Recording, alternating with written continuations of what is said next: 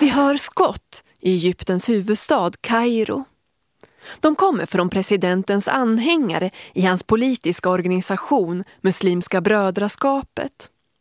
Igår kväll försökte människor som demonstrerade sätta eld på det hus där det muslimska brödraskapet har sina kontor. Då sköt presidentens anhängare mot demonstranterna.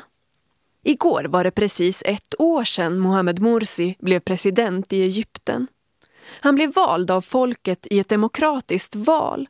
Men många människor är ändå missnöjda med hur han styr landet. Sveriges Radios reporter Kajsa Boglind pratade med några av demonstranterna i Kairo. Vi är här för att säga nej till Muslimska brödraskapet, sa fotbollstränaren Osema Oses och vi kommer att stanna tills presidenten avgår.